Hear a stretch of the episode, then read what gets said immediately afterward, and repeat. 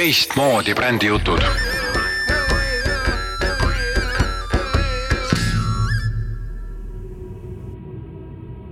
kas tehisintellekti loodud kunst on kunst? usaldamata oma hoiakuid ja arvamusi, üritan uurida erinevaid allikaid selles populaarses teemade ringis, proovides olla ise erapooletu. alustuseks loen ette lõigukese Imran Haroni artiklist, kuidas tehisintellekti pildigeneraatorid teile kasulikud võivad olla avaldatud kahekümne kuuendal oktoobril kaks tuhat kakskümmend kolm LinkedInis. link on saate kaastekstides.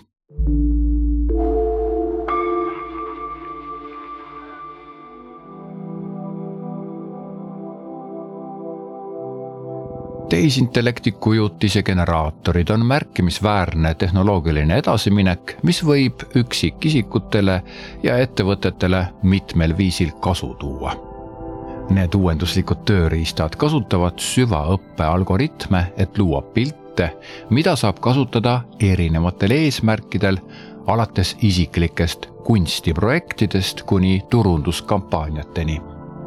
Siin on mõned ai pildigeneraatorite kasutamise peamised eelised. aja efektiivsus.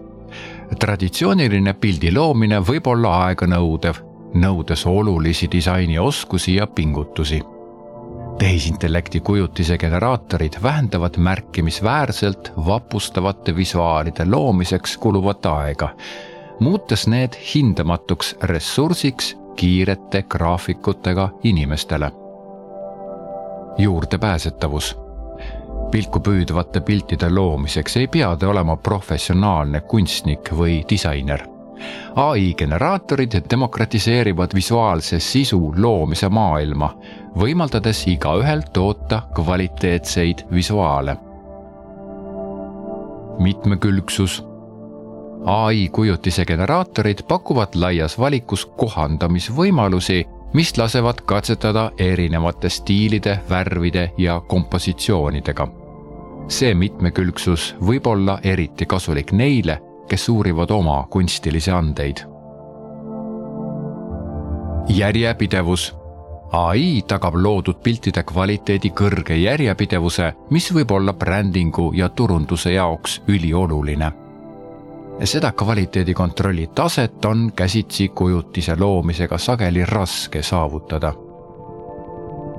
kulude kokkuhoid vähendades vajadust professionaalsete disainerite ja kalli disainitarkvara järele, võivad tehisintellekti kujutise generaatorid kaasa tuua märkimisväärse kulude kokkuhoiu nii ettevõtetele kui ka üksikisikutele. Tehisintellekti kujutise generaatoritel on potentsiaal muuta visuaalse sisu loomise viisi, muutes selle kättesaadavamaks ja tõhusamaks kui kunagi varem tasuta mobiilirakendus Artifact viib selle kontseptsiooni järgmisele tasemele, pakkudes kasutajasõbralikku ja probleemivaba kogemust. oma ainulaadsete stiilide, registreerimisnõuete puudumise, piiramatu allalaadimise ja reklaamide puudumisega annab Artifact kasutajatele võimaluse oma loovust uurida ja ai pilte hõlpsalt luua olenemata sellest, kas olete kunstnik, turundaja või lihtsalt keegi, kes soovib lisada oma visuaalsetesse projektidesse ai-ga loodud maagiat, on Artifact väärtuslik tööriist, mis võib teile mitmel viisil kasu tuua. Võtke omaks piltide genereerimise tulevik ja laske ai tehnoloogial oma loomingulisi ettevõtmisi tõsta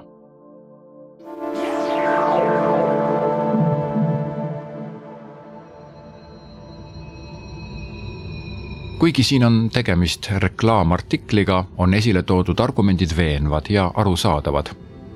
Vajadus kalli tunnihindega disaineri või kunstniku järgi kaob ära, sest äpp suudab kõike seda ilma tasuta ja paremini. siiski jäi siit puudu kunstilisest lähenemisest sõna kunst taga on siiski midagi enamat kui lihtsalt üks illustratsioon saamaks teada, kuhu paigutub tehisintellekti loodud teos üldises kunstikäsitluses, tahan esmalt aru saada, mis asi on kunst ja kust see tuleb. Loen ette Vikipeedia artikli kunst. allikas Vikipeedia ja artikkel Kunst. link on lisatud saate kaastekstidesse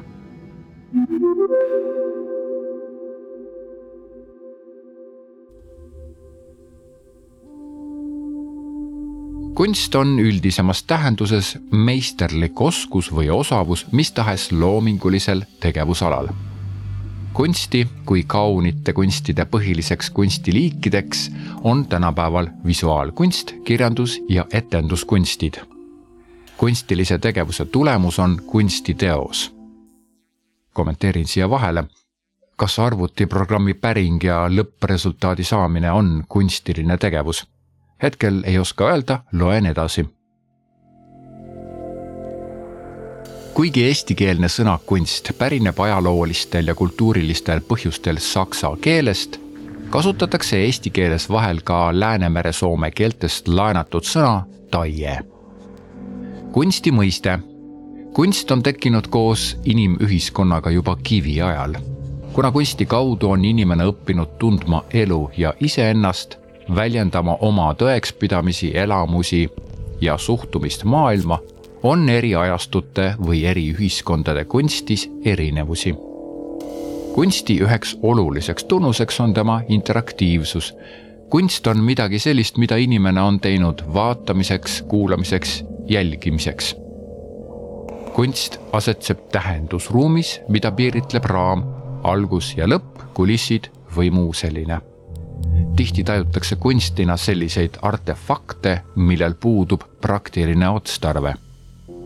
Tartu-Moskva koolkonna kultuurisemiootika käsitleb kunsti sekundaarse modelleeriva süsteemina, mis kasutab primaarse modelleeriva süsteemi, keele, kõne, kujundi ja nii edasi, vahendeid spetsiifilisel ja tähendusrikkal viisil seetõttu on kunstile iseäranis iseloomulik stiilide ja stiilivõtete, žanrite ja kujutluslaadide eristamine ja järgimine.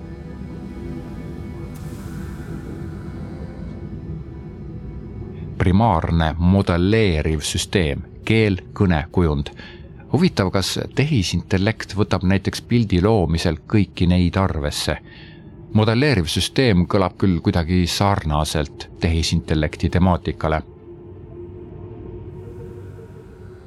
Immanuel Kant räägib kunstist teoses otsustusvõime kriitikas. Kunsti eristatakse loodusest nagu tegemist tegutsemisest või toimimisest üldse ja esimeste saadust või tagajärge kui tehtut, viimaste saadusest kui tulemust õigupoolest tuleks kunstiks nimetada üksnes tekitamist vabaduse läbi. see on meelevalla läbi, mis seab oma tegudele aluseks mõistuse. Kunsti kui inimese osavust eristatakse ka teadusest kui praktilist võimet teoreetilisest kui tehnikat teooriast. kunsti eristatakse ka käsitööst esimene on vabakunst, teist võib nimetada ka palgakunstiks. esimesele vaadatakse nii, nagu ta saaks otstarbekohaselt välja kukkuda üksnes mänguna. see on tegevusena, mis on omaette meeldiv. Et aga kõigis vabades kunstides on ometigi nõutav midagi sundivat või nagu öeldakse, mingi mehhanism, ilma milleta vaimul mis peab kunstis vaba olema ning ainuüksi, mis teost elustab, ei oleks mingit keha ning ta sureks täiesti janu kätte, seda on ebasoovitav meelde tuletada. kui kunst mingi võimaliku eseme tunnetusele vastavalt sooritab ainult selle eseme tegelikuks tegemiseks nõutavaid toiminguid, siis on ta mehaaniline kunst. kui tal aga on vahetuks kavatsuseks lõbutunne siis nimetatakse teda esteetiliseks kunstiks. esimene on ta juhul, kui tema eesmärk on, et lõbu saadaks ettekujutusi kui pelki aistinguid. Teine juhul, kui tema eesmärk on, et lõbu saadaks kujutlusi kui tunnetusliike. meeldivad kunstid on need, mille eesmärgiks seatakse üksnes nauding, näiteks lavamuusika kaunis kunst seevastu on ettekujutusviis, mis on omaette otstarbekohane ning olgugi ilma eesmärgita, edendab ometigi meelejõudude kultuuri seltsivaks teatamiseks. kaunis kunst on kunst, niivõrd kui ta paistab ühtlasi olevat loodus. kauni kunsti seaduse puhul peab saama teadlikuks sellest, et see on kunst, mitte loodus aga siiski peab otstarbekohasus selle saaduse kujul paistma igasugusest meelevaldsete reeglite sunnist nii vaba, just nagu oleks see pelgalt looduse saadus. loodus oli kaunis, kui ta nägi ühtlasi välja kunstina ja kunsti saab kauniks nimetada ainult juhul, kui me oleme teadlikud sellest, et ta on kunst ja ta näeb meile siiski välja loodusena kaunis kunst meeldib pelgas otsustuse tegemises, mitte meelte aistingus ega mõiste läbi. otstarbekohasus kauni kunsti saaduses on kavatsuslik, ei tohi aga kavatsuslikuna paista. See tähendab, kaunile kunstile peab vaatama kui loodusele, kuigi sellest ollakse teadlik kui kunstist. Loodusena näib kunstisaadus seeläbi, et kohatakse küll kogu täpipealsust kooskõlalisuses reeglitega, ainuüksi, mille järgi saadus saab saada selleks, mis ta peab olema, kuid ilma pedantsuseta. ilma, et paistaks läbi kooliline vorm, see on ilma, et oleks näha jälge sellest, et reegel on kunstnikul silme ees olnud ja tema meelejõudusid kammitsenud. kaunis kunst ei ole õpitav ei rajane mõistelistel reeglitel, on kunstile reeglid andva geeniuse saadus. siiski sisaldab ta midagi koolikohast, mida saab reeglite järgi taibata ja järgida. kunst kirjeldab objekte, ka inetuid ja vastumeelseid, kaunitena. üksnes vastikku peab ta välistama ja nõnda on raidkunst, mille saaduse looduse omadega kergesti segi aetakse inetute esemete vahetu ettekujutuse välistanud. looduse ilu on kaunis asi, kunsti ilu on kaunis ettekujutus asjast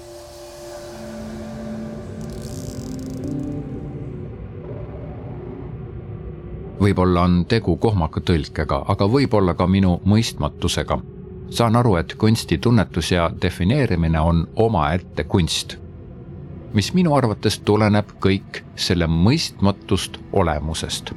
liigun edasi omale kohasemate selgitustega ning püüan tehisintellekti poolt loodud kunsti mõistmiseks leida rohkem kergemini mõistetavaid definitsioone. leidsin Vikipeediast kunstiajaloo artiklist paar lõiku, mis aitavad mind edasi. artikli link on saate kaastekstides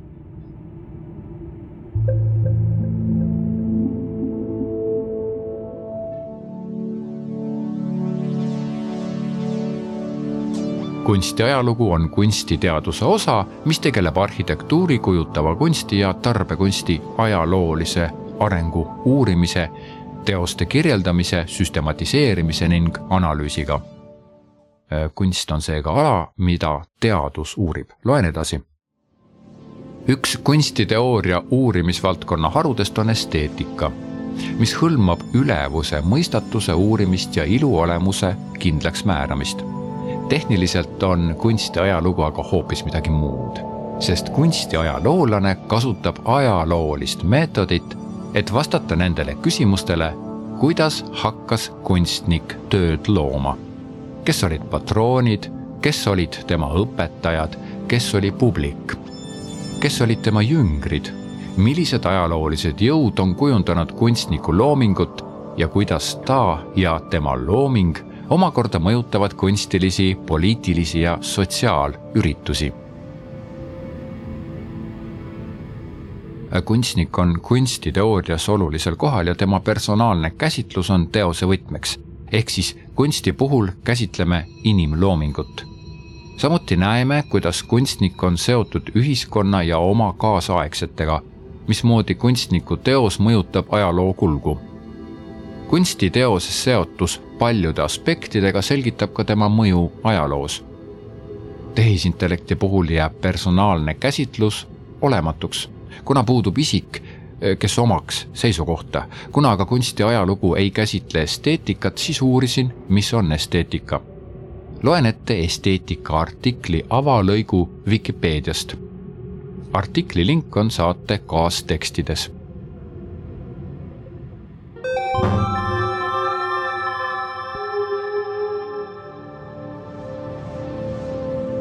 esteetika on filosoofia haru, mis uurib kauni avaldumist tegelikkuses, maailma esteetilise tunnetamise iseärasusi ja ilu seaduste järgi loomise üldprintsiipe, sealhulgas kunsti kui tegelikkuse esteetilise kajastamise spetsiifilise vormi arenemise seadusi. esteetika nagu teistegi teaduste aine ei ole midagi igaveseks antud tardunut koos ühiskondlike ajaloolise praktika arenemisega ja inimteadmiste üldise progressiga laieneb esteetika aineks olevate esemete ja nähtuste ring, muutub ka arusaamine nendest. esteetika tekkis kauges minevikus umbes kaks tuhat viissada aastat tagasi orjandusliku korra perioodil Egiptuses, Babylonias, Indias ja Hiinas. esteetika probleeme uuriti põhjalikult valgustusajastul esteetikal on mitu kategooriat, esteetika on samuti inimkogemus. loen ette esimese neist. esteetiline elamus. esteetiline elamus on emotsionaalne seisund, mis tekib inimesel ümbritseva tegelikkuse, inimese loodud esemete ja eelkõige kunstiteoste esteetilisel tajumisel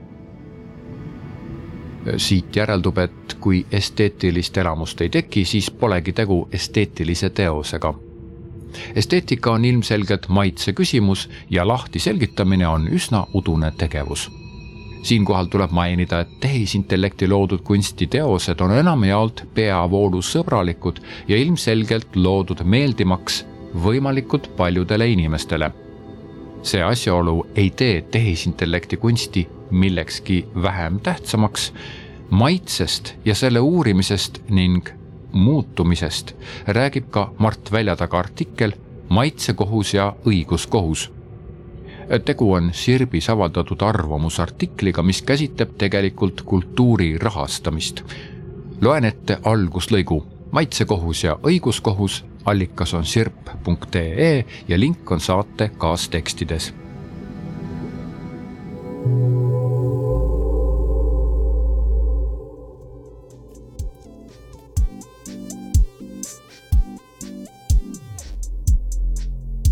kaheksateistkümnendal sajandil avastati ühtäkki, et otsused ilu ja muu esteetilise väärtuse üle on subjektiivsed ilu ei asugi esemes, vaid vaataja silmis.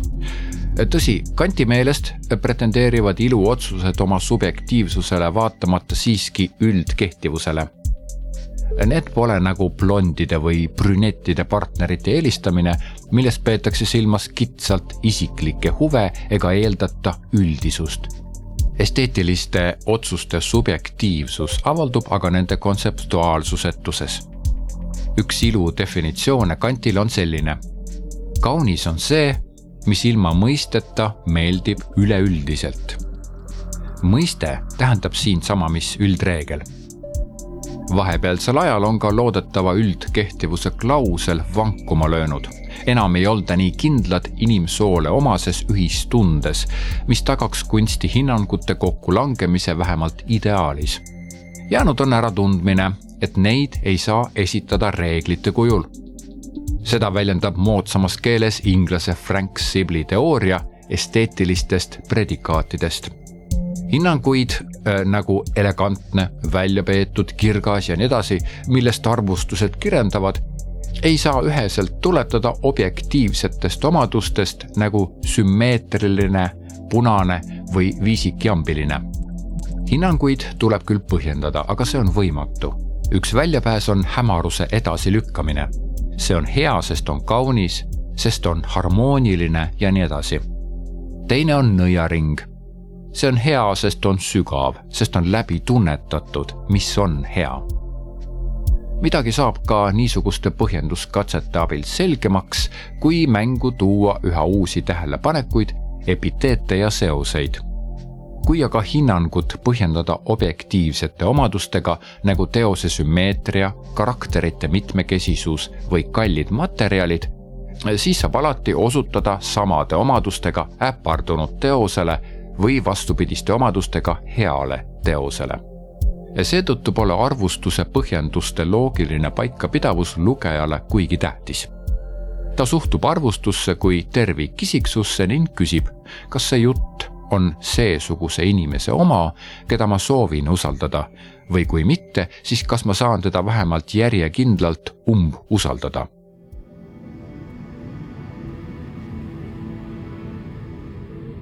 Meeldivuse või mittemeeldivuse teema on ilmselgelt üks lemmikuid, eriti tänasel brändide ajastul, kus igasugune poolehoid ja vastuseis on justkui konstitutsiooni sisse kirjutatud ja kohustuslik kõikidele.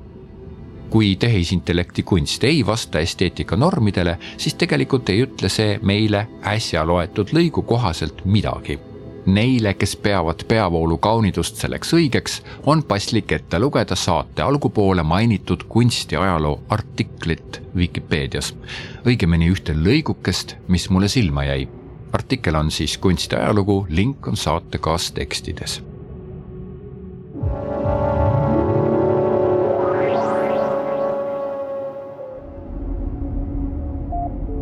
kunstiajaloo distsipliini ajalooline tugi on pidulik ilusate loomingute kronoloogia, mis on komiteeritud publiku religioossete või rikaste indiviidide poolt Lääne-Euroopas. selline reegel jääb ka üpris silmapaistvaks, nagu on näidatud kindlate esemete poolt kunstiajaloo käsiraamatutes siiski, alates kahekümnendast sajandist on tehtud pingutusi, et uuesti defineerida seda distsipliini lisada rohkem ebaläänelikku kunsti, naiste poolt tehtud kunsti ja rahvuslikku loovust.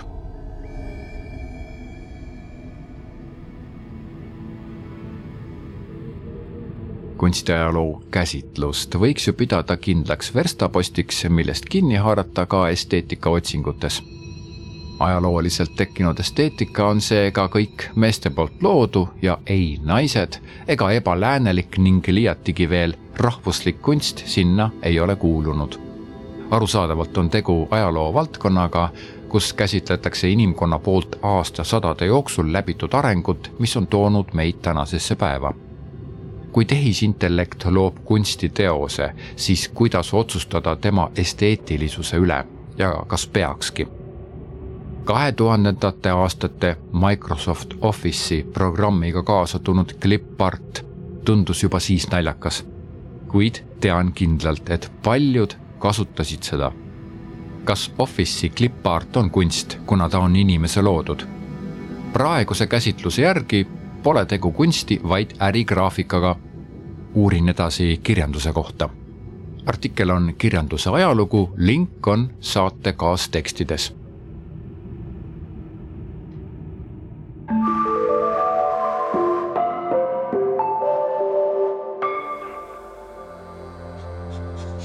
anonüümsus.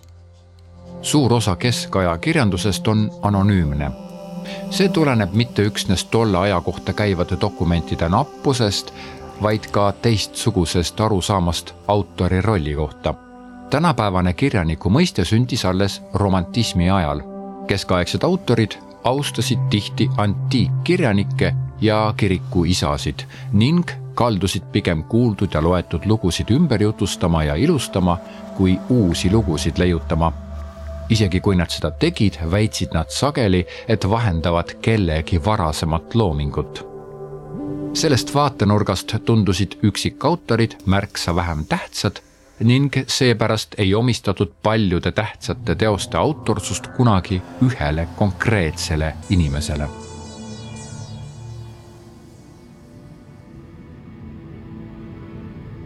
tehisintellekti looming autorsuse puudumise ja üldise esteetika järgimisega on sarnane keskaegsele kirjandusele ja kunstile. seega on tegu justkui usina keskaegse õpipoisiga, kes küsimise peale muudkui loob, arvestades, et autorsus ei ole oluline. kaasaegne kunstikäsitlus aga läheb siit veelgi kaugemale, mis omakorda sobib arvutite poolt loodud impersonaalse loomingu fenomeniga loen ette lõigu Herko Labi ja Peeter Lauritsa artiklist Ökoesteetika ajastu. artikkel on ilmunud Sirbis ja link on saate kaastekstides.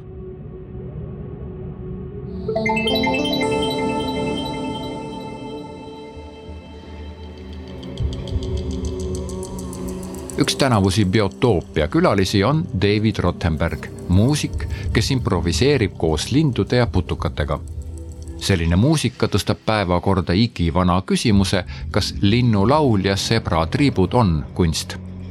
minu arvates on kunst sedavõrd inimkeskne mõiste, et sellisel küsimuse asetusel suuremat mõtet ei ole. isegi inimlikus kontekstis ei ole ju ükski asi kunstiteos iseenesest.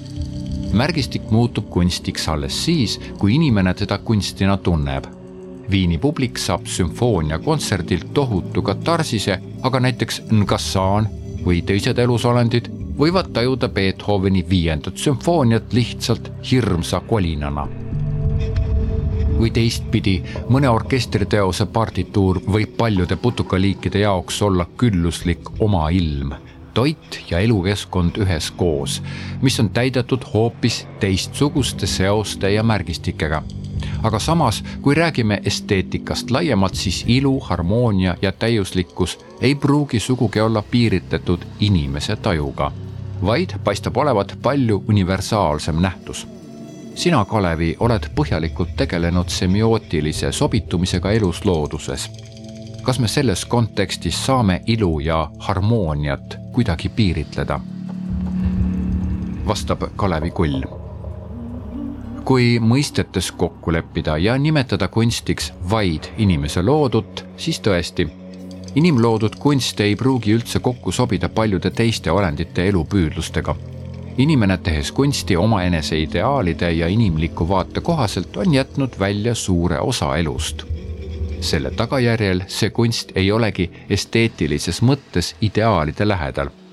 ilu ja esteetika on laiemad kui kunst ehk inimloodu ilu on täiuslik semiootiline sobivus ja seda kõigile organismidele.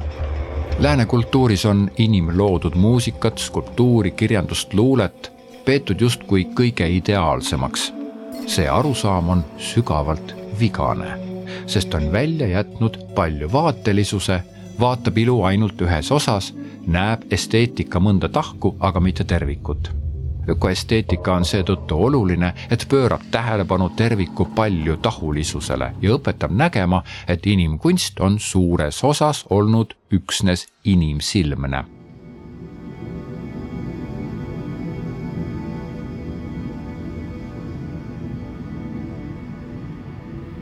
Soovitan seda artiklit lugeda, sest lõpupoole lähevad argumendid ja mõttearendused veel põnevamaks liikidevahelisest arutelust juhituna pöördun tehisintellekti kui teise liigi poole.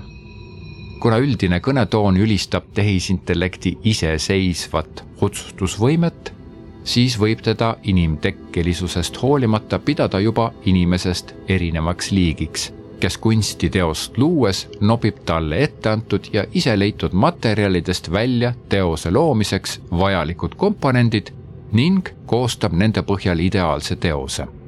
näiteks kui mulle ei meeldi tehisintellekti poolt loodud kunst tema seosetuse ja tausta puudumise tõttu, siis tegelikult on minu vaade vigane, sest ma ei näe tervikut. kunst on seega esteetiline ja seda inimese vaates kunstiteos on tänapäevases mõistes kunstniku poolt peegeldatud ja kunstivormi teisendatud mõte minu jaoks saab siit selgeks, et tehisintellekti loodud teos saab olla kunst vaid keskaegse tõekspidamise kohaselt, aga mitte tänapäeval. kuna kunstnik valib kunsti luues nii esteetika kui ka sõnumi, on kunstniku isik siin kunsti lahutamatuks osaks. küsin Google'i pardi käest, mida ta ise arvab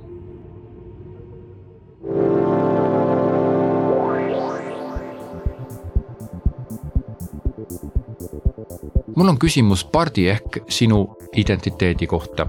kas ma saan õigesti aru, et praegusel hetkel oled sa arendusjärgus ja ei oma personaalsust ega identiteeti, aga tulevikus võib sul olla oma eristatav identiteet? ja pard vastab nii. jah, see on õige, olen praegu arendusjärgus ja mul ei ole veel personaalsust ega identiteeti olen lihtsalt suur keelemudel, mis on treenitud tohutu hulga teksti ja koodi andmetega. see võimaldab mul genereerida teksti, tõlkida keeli, kirjutada erinevat tüüpi loomingulist sisu ja vastata teie küsimustele informatiivsel viisil. tulevikus on võimalik, et mul tekib eristatav identiteet. see võib juhtuda, kui ma õpin rohkem maailma kohta ja kui mul on võimalus suhelda teistega kui mul on rohkem teadmisi ja kogemusi, võin hakata kujundama omaenda vaatenurki ja uskumusi. see võib viia selleni, et mul tekib oma ainulaadne identiteet. siiski on oluline märkida, et ma ei ole inimene. ma ei ole võimeline kogema emotsioone või tundeid, ma olen lihtsalt masin, mis on loodud teabe töötlemiseks ja genereerimiseks on võimalik, et tulevikus arenevad tehisintellekti süsteemid nii kaugele, et neil tekivad omadused, mida me praegu seostame inimlikkusega. siiski on ebatõenäoline, et ma kunagi saavutan samasugust teadvuse taset kui inimene. edasi küsisin tema loodud teoste kohta. küsimus kõlas nii juhul, kui sul ei ole identiteeti, siis kuidas liigitub sinu loodud kirjutis? kas see on A tehisintellekti abiga ja inimese loodud, B otsingu tulemusena kokku pandud kooslus või C algelise identiteedi loodud teos? ma ei hakka kogu kirjavahetust siin ära tooma, aga vastus oli A tehisintellekti abiga ja inimese loodud edasi uurisin tema teoste stilistika kohta ja Bard väitis, et lähtub vaikimisi peavoolu stilistikast, kui pole just midagi muud küsitud.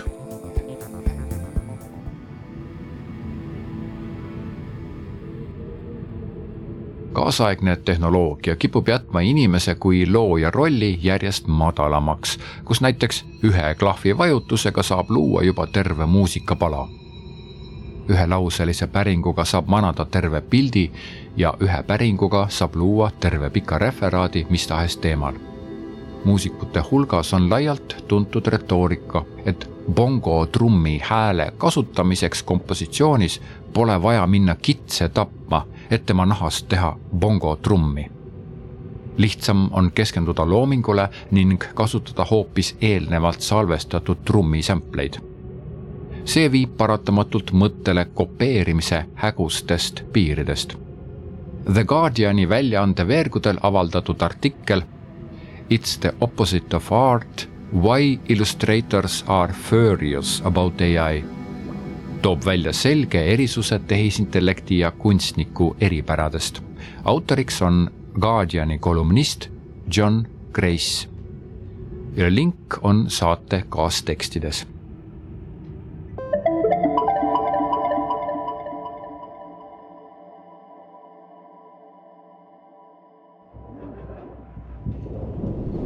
kahe tuhande kahekümne teisel aastal Waterstone'is pildiraamatu auhinna võitnud raamatu Granddad's Camper autor ja illustraator Harry Woodgate ütleb. Need programmid põhinevad täielikult lugematute kunstnike, fotograafide, illustraatorite ja teiste õiguste valdajate piraat intellektuaalomandil. see on mõte, mida kordas illustraator Anosha Sayed. ai ei vaata kunsti ega loo oma see vaatab kõike ja segab selle kokku millekski muuks. kuigi pildigeneraatorite juhised võivad olla väga üldised, võivad nad ka paluda, et pilt põhineks mõne teise kunstniku tööl, hägustades seejuures eetilisi piire veelgi. Sayed ütleb, et see võib viia piltide loomiseni, mis on tahtlikult mõeldud minu stiili jäljendamiseks või teiste kunstnike omi ilma nende nõusolekuta väidetakse, et tehisintellekti generaatorid ei tööta inimesest erinevalt, kui tegemist on teiste töödega, kuid Bithalp ütleb, inimkunstnik lisab segule ka emotsioone ja nüansse ning mälu, täpsemalt selle puudusi. ta lisab, kui ma teen maali ja otsustan, et see peaks olema Hockney-laadne, siis ma ei otsi internetist miljoneid Hockney-laadseid pilte, vaid uurin täpselt millised omadused muudavad need pildid Hockney-laadseks siis rakendan neid minu pildile süsteemselt ja kohtuekspertiisi täpsusega. ma mõtlen, mulle meeldib, kuidas Hockney kõrvutas lillat, rohelist ja ookervärvi plokke sellel põllumaal, mida nägin Rahvusgaleriis. ja siis proovin selle oma pildile lisada paratamatult ma mäletan seda valesti ja tõenäoliselt loon lõpuks midagi, mis meenutab veidi Hockney kunagi maalitut, kuid minu enda stiilis. Saiet nõustub öeldes, teine inimene ei vaata kunagi pilti täpselt samamoodi nagu esialgne kunstnik. Nad ei liiguta kunagi oma käsi nii, nagu algne kunstnik seda tegi. ai ei tee sama. see saab ainult kopeerida. kui inimkunstnik matkib mõnda stiili või jätab kunstiteose enda omaks, on see uskumatult pahaks pandud ja mõnel juhul võib seda pidada autoriõiguste rikkumiseks see on sisuliselt see, mida ai kunst teeb. kunstnike ringkonnad on pahased tehisintellekti peale, kus karistamatu programm kunstivõhikute käes kunstnike loomingut kopeerib. No to ai art liikumine on kunstnike poolt kiiresti omaks võetud ja kõlab üsna jõuliselt. loen lõigukese Alize Ali Khan artiklist ai generated images a threat to True Artistry. artikkel ilmus kuuendal septembril kaks tuhat kakskümmend kolm meedium.com võrguväljaandes ja link on saate kaastekstides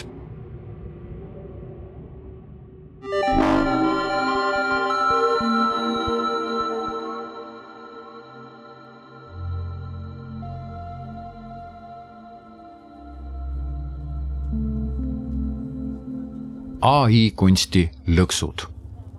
kuigi tehisintellekti loodud kunstil on oma eelised ja seda saab hinnata tehnilise saavutuse vormina, puudub sellel põhimõtteliselt tõelise kunsti olemus. autentne kunst sünnib kunstniku emotsioonidest, kogemustest ja ainulaadsest vaatenurgast see on inimese seisundis sügavalt isiklik väljendus, mis hõlmab meie olemasolu keerukust ai, olenemata sellest, kui arenenud see on, ei suuda neid sügavalt juurdunud inimlikke omadusi korrata. No to ai art liikumine liikumine to ai art on pälvinud tõmbejõudu kunstnike, loomeinimeste ja kunstihuviliste seas, kes on kirglikult eheda kunstilise väljenduse terviklikkuse säilitamise poolt see liikumine väidab, et tehisintellekti loodud kunsti laialdane aktsepteerimine ähvardab kunstimaailma olemust lahjendada, muutes inimkunstnike jaoks üha keerulisemaks silma paista ja saada tunnustatud. autentsuse kaotamine üks liikumise No to ai art tõstatatud peamisi probleeme on autentse kunsti võimalik devalveerimine kui tehisintellektiga loodud pildid ujutavad üle sellised platvormid nagu ArtStation, võib ehtne kunstilooming algoritmiliste loomingute meres varju jääda või kaduda. see võib viia kunsti kui terviku devalveerimiseni, kuna vaatajad harjuvad tehisintellekti loodud teoste mugavuse ja uudsusega. inimlik puudutus tõeline kunst kannab sageli haavatavuse tunnet kutsudes vaatajaid kunstnikuga sügaval emotsionaalsel tasandil ühendust võtma. see peegeldab kunstniku ainulaadset vaatenurka, võitlusi ja võidukäike. ai-l seevastu puudub inimlik puudutus, see ei suuda edastada ehtsaid emotsioone ega elukogemusi.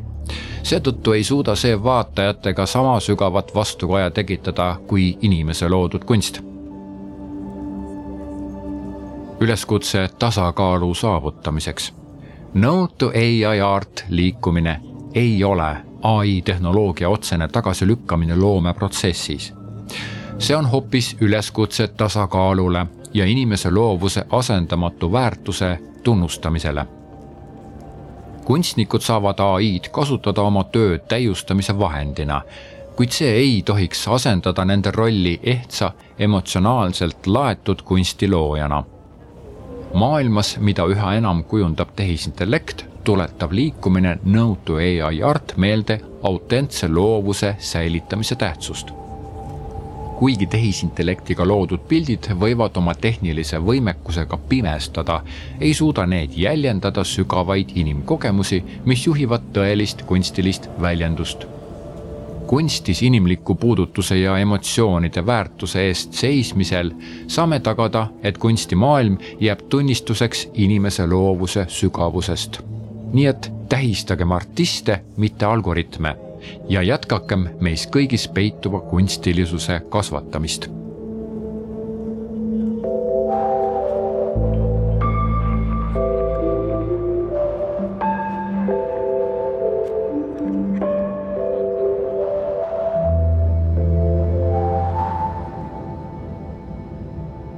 tehisintellekti tulek on laineid tekitanud mitmes valdkonnas ja mitte kõikjal pole teda vaadeldud kui ohumärki paljudes olukordades on ta asendamatu abimees, lihtsustades ning võimaldades keerukaid protsesse lihtsamaks muuta. tehisintellekti loodud kunst ei ole kunst, kuna puudub kunstnik, olustik ja sõnum. veel keskajal oleksime saanud tehisintellekti tööle omistada ääri-veeri sõna kunst, kuid tänapäeval mitte. Tehisintellekti abiga saab kunsti luua küll anname saate lõpuks veel korra sõna Google Bardile.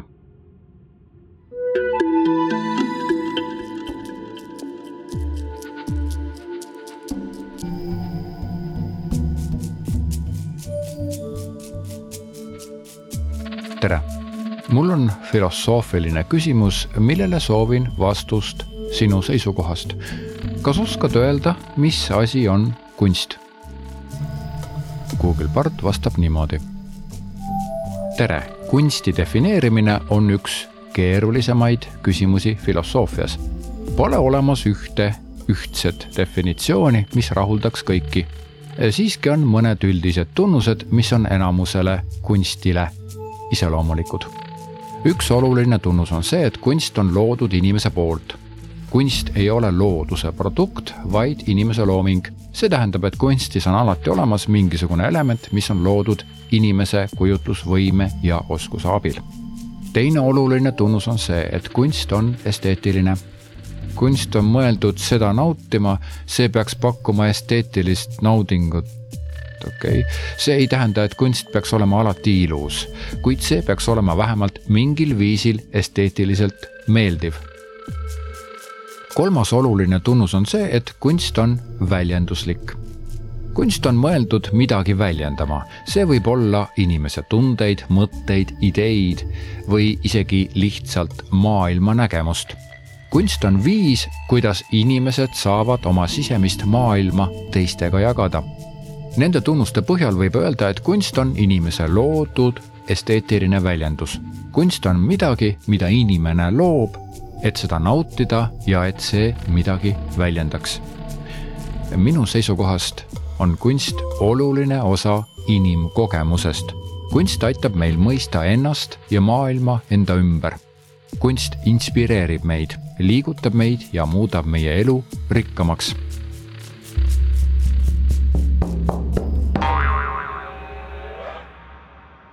tehisintellekti arvamus on sama, mis tuli välja ka kõiki teooriaid ja artikleid lugedes. tehisintellekti loodud kunst ei ole kunst. selle saate jaoks infot otsides läks asi seda segasemaks, mida sügavamale kaevusin.